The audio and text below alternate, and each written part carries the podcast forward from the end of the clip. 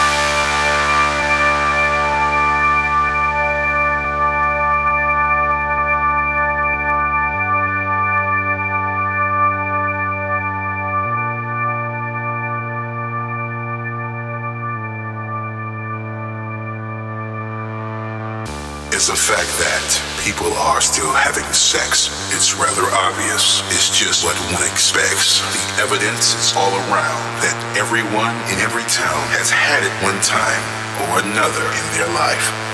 At this very moment, people are still having sex in a downtown condo or street in the projects. Although you can't see them or hear their breathing sounds, someone in this world is having sex right now. People are still having sex. People are still having sex. Never lost